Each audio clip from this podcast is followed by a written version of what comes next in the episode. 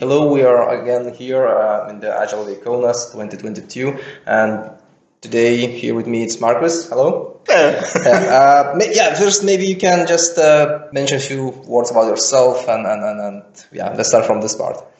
Oh my. Um, well, I was. Should I talk to the camera? Uh, or should I, yeah, uh, both I'll ways talk works. to you. um, I'm I'm Austrian. I was born and raised in Vienna and got into contact with the agile space in 2008. Hmm. So quite a long time ago, and had like a, a story of progression from Scrum Master, then fell in love with Kanban, fell in love with systems thinking, and becoming a systemic coach.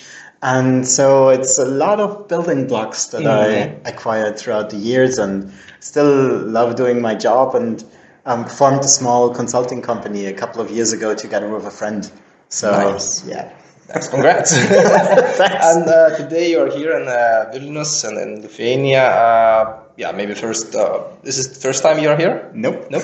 Well, in Kaunas, yes. Uh-huh. In Lithuania? in, in Lithuania, no. I've been to Vilnius three times. Three times. Yes. The conference, the vacation. Um, one time a vacation, uh, traveling through the Baltics with a friend of mine, and um, two times in, in Vilnius um, for, for conferences. Nice, cool. So yeah, now first time in Kaunas, and can you then try to explain the workshop in general? Because again, the workshop we had uh, one and a half hours. Now we have maybe ten minutes. Yeah. can we try to squeeze uh, again maybe just a few uh, uh, again words about uh, 360Y? Uh, so how you use it, and, and just you know the background and then maybe we'll deep dives what happened during the session. Okay. Yeah.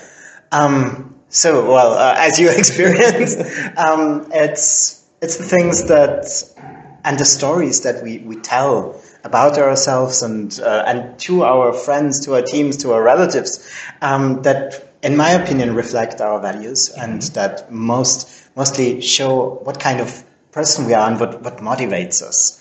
And um, the 360Y workshop is derived from a couple of from a from a game and from some some ideas uh, from uh, Simon Sinek. Um, so to find one's why, uh, and here we did it through storytelling. Yeah. And um, basically, the, the workshop is in three parts, but we only did two of them. And the first one is to tell a story about a random work related topic Yeah, it's true. I participated. in a certain frame, and um, to get like um, to get feedback on the story about the the people that we told the story, what kind of strengths they heard, what kind of amazing abilities we have, and even if they heard something where they think, oh, I think that's something uh, that Marcus likes, for example.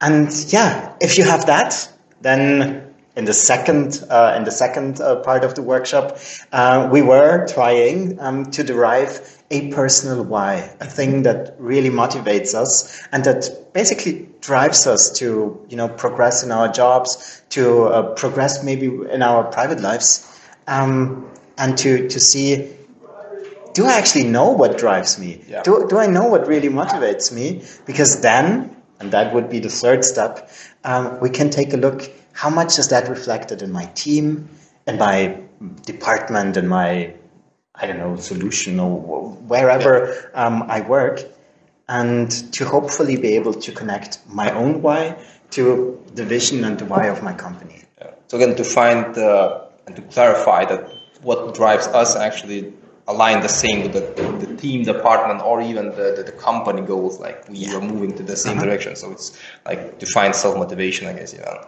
Yeah. Yeah. And I mean, not to make us into robots, uh, like we all have to follow vision, uh, Yeah. but more like to see how I can also add to that, or and also how the company can a bit add to my personal goals or to my vision. Yeah. And yeah, it's an interrelated thing. Yeah, and I, I was I, I had pleasure to participate and you know and, and, and feel this from the first hand.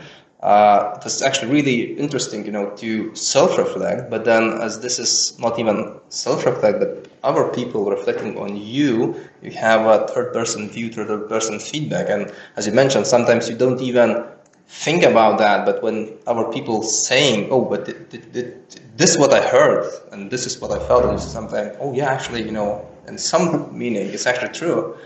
So it was really nice. Uh, yeah, and then if people would like to have more information Mm-hmm. about this, uh, where they can find. it? Well, quite soon there will be the website 360wise.com. Yeah, I. Um, I have the domain. I haven't put up the website yet, um, but um, the idea is to provide facilita- facilitation advice and some help for people that say like, "Hey, um, yeah, to you know also feel more happiness, as I mentioned before, to feel more happiness in my job because I know that the thing that drives me, I, I can actually achieve that in my company. That that's great because we all deserve a bit more happiness Oh yeah, every day. Uh, so yeah, 360y.wise.com and uh, I think even during the workshop you mentioned that there's a you know Miro template. Is it already somewhere in the World Wide Web or it will be put in I, I will I will put it online at least with some some kinds of screenshots or something. Um, it, it is it, it does work in a virtual environment. Mm-hmm. I've I've tried it there. Actually, I've play tested it the first time in a virtual environment because COVID. Oh, yeah. Um, and it it's even stronger and even better in the physical world because you then sit next to the people um, that reflect upon your story, and that's even cooler. But it, it still works amazingly well uh, in the in the virtual space as well. Uh, Cool. Um, yeah, then maybe a few more questions because again, you were part of this, but you uh, again had pleasure to join other speakers and even open space. Maybe your again reflection, feedback. What what you maybe even learned or how this again event in total from your perspective?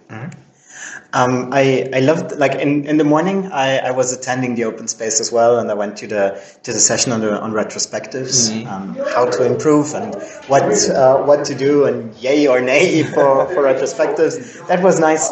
And um, the, the cool thing about open spaces um, I hope the microphone This- this- okay. Maybe it will be, but it's fine. the, the cool thing about open spaces is even though maybe one topic is not on the agenda, it's the coffee breaks in between. and so there was like so so many good conversations happening, Yeah. and so I just skipped the the, the second uh, the second time slot Uh-huh. and was talking to to people because you know I didn't do that so much in the in the last two years face to face, Oh, and and and I really enjoyed that part of the open space, which is like the coffee breaks. Yeah, the community and then again to just uh, talk with people. Yeah. Cool. Yeah, it was really nice to see you, to participate in your workshop. I hope that you will again visit Vilnius or Kaunas or in general Lithuania even uh, more because we will have even more agile, you know, uh, conferences. So it was really nice pleasure. Uh, thank you and uh, good luck. Thanks, Andres.